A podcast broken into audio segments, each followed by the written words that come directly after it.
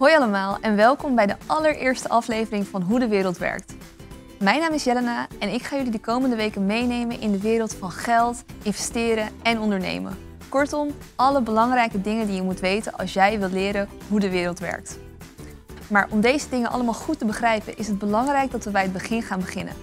En wat is nou het ding wat je elke dag gebruikt? Wat iedereen wil hebben en ook de reden waarom jouw ouders elke dag naar hun werk gaan. Misschien heb je het al geraden, maar we gaan het vandaag hebben over geld.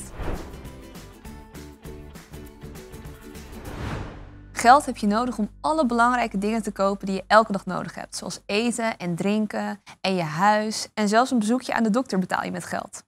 Maar ook leuke dingen, zoals speelgoed of een nieuwe telefoon of een bezoekje aan een pretpark, ook daarvoor heb je geld nodig. Een heel belangrijk onderwerp dus. Je vraagt je misschien af of het geld zoals we dat nu kennen, dus met muntjes of briefjes, of dat altijd al zo bestond. Nou, dat is dus niet zo. Want heel vroeger, duizenden jaren geleden, bestond er nog geen geld.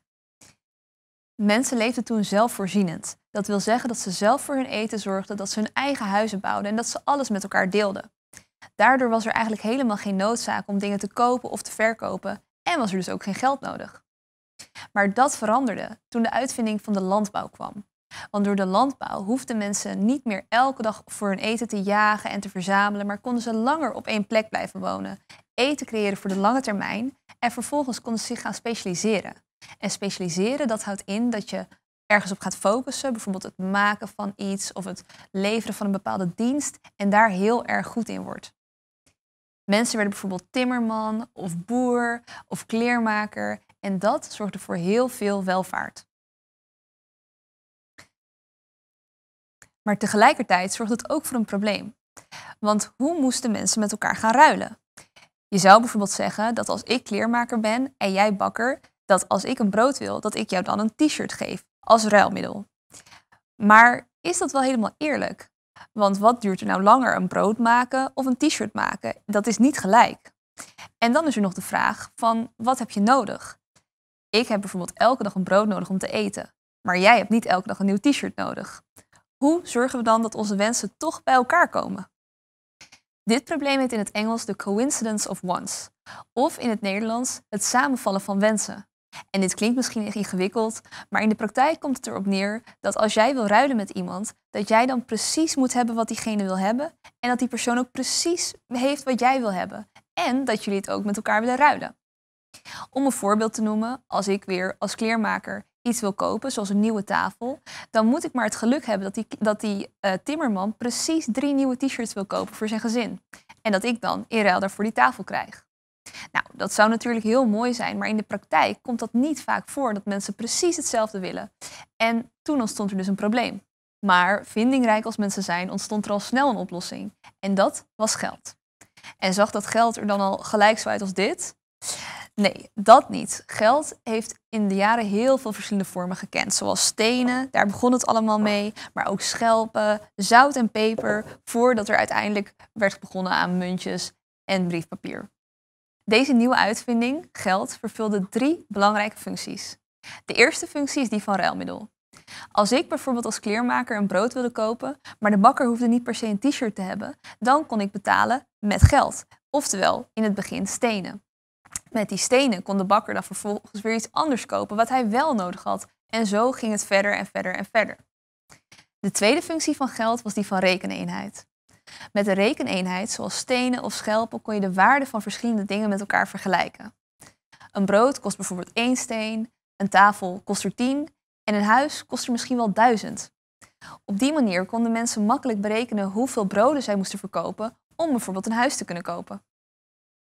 De derde functie van geld was die van spaarmiddel. Met geld kon je jouw waarde namelijk bewaren en opslaan voor de toekomst. Zo kon je als boer bijvoorbeeld veel langer genieten van een goede oogst. Als jij als aardappelboer bijvoorbeeld heel veel aardappelen had geoogst, kon je die natuurlijk niet te lang bewaren, want anders worden ze verkeerd. Maar wat je wel kon doen, is jouw aardappelen verkopen en vervolgens de stenen die je daarvoor terugkrijgt langer bewaren. Dit sparen zorgde voor een heleboel nieuwe uitvindingen. Doordat mensen hun geld konden bewaren en konden vermeerderen, konden zij aan grote projecten werken. Zo konden ze werken aan machines of aan fabrieken en op die manier veel meer spullen creëren. De welvaart nam enorm toe, het leven werd luxer, mensen werden rijker. Maar de ontwikkeling van geld was nog lang niet ten einde. De eerste vormen van geld, zoals stenen, schelpen, zout en peper, etc., hadden namelijk ook één heel groot nadeel.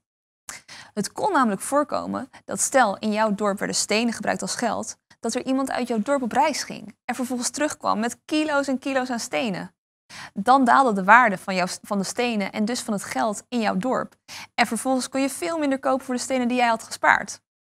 Nou, om te voorkomen dat het geld zo makkelijk in waarde kon dalen, werd er een nieuwe uitvinding gedaan. Er werd een nieuwe vorm van geld gecreëerd. Die bestond uit hele zeldzame edelmetalen, zoals goud en zilver.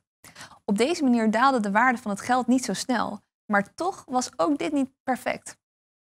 Hoe belangrijker geld namelijk werd, hoe meer machtige mensen zoals koningen en bankiers hun best deden om sluwe manieren te bedenken om te zorgen dat zij meer geld konden krijgen dan de rest, zonder daar harder voor te werken. Hoe konden ze dit doen? En is het dan mogelijk om geld te creëren uit het niets? Dat gaan we bespreken in de volgende aflevering. Lijkt het jou leuk om volgende week hier in de studio met mij mee te praten en al je vragen te stellen? Laat het mij dan weten en stuur even een berichtje via www.caféwelshmers.nl slash hoe de wereld werkt. En hopelijk zie ik jou dan volgende week. En ben je nou nog niet uitgeleerd en wil je nog meer weten over de dingen die wij vandaag hebben besproken? Veel van de dingen die we vandaag hebben geleerd staan ook in dit boek, De Tutteltweeling en het monster van Jekyll Island. Dit boek vertelt het verhaal van geld, investeren, sparen, inflatie en nog veel meer. En jij kan dit boek winnen. Dat kan door de volgende vraag te beantwoorden. Wat is volgens jou de beste vorm van geld? En vooral, waarom? Is het goud, is het zilver, is het bitcoin of is het iets anders? Laat het mij weten. Stuur een berichtje via www.caféwelschmerz.nl slash hoe de wereld werkt. En wie weet, komt dit boek binnenkort naar jou toe. Heel erg bedankt voor het kijken en tot de volgende keer.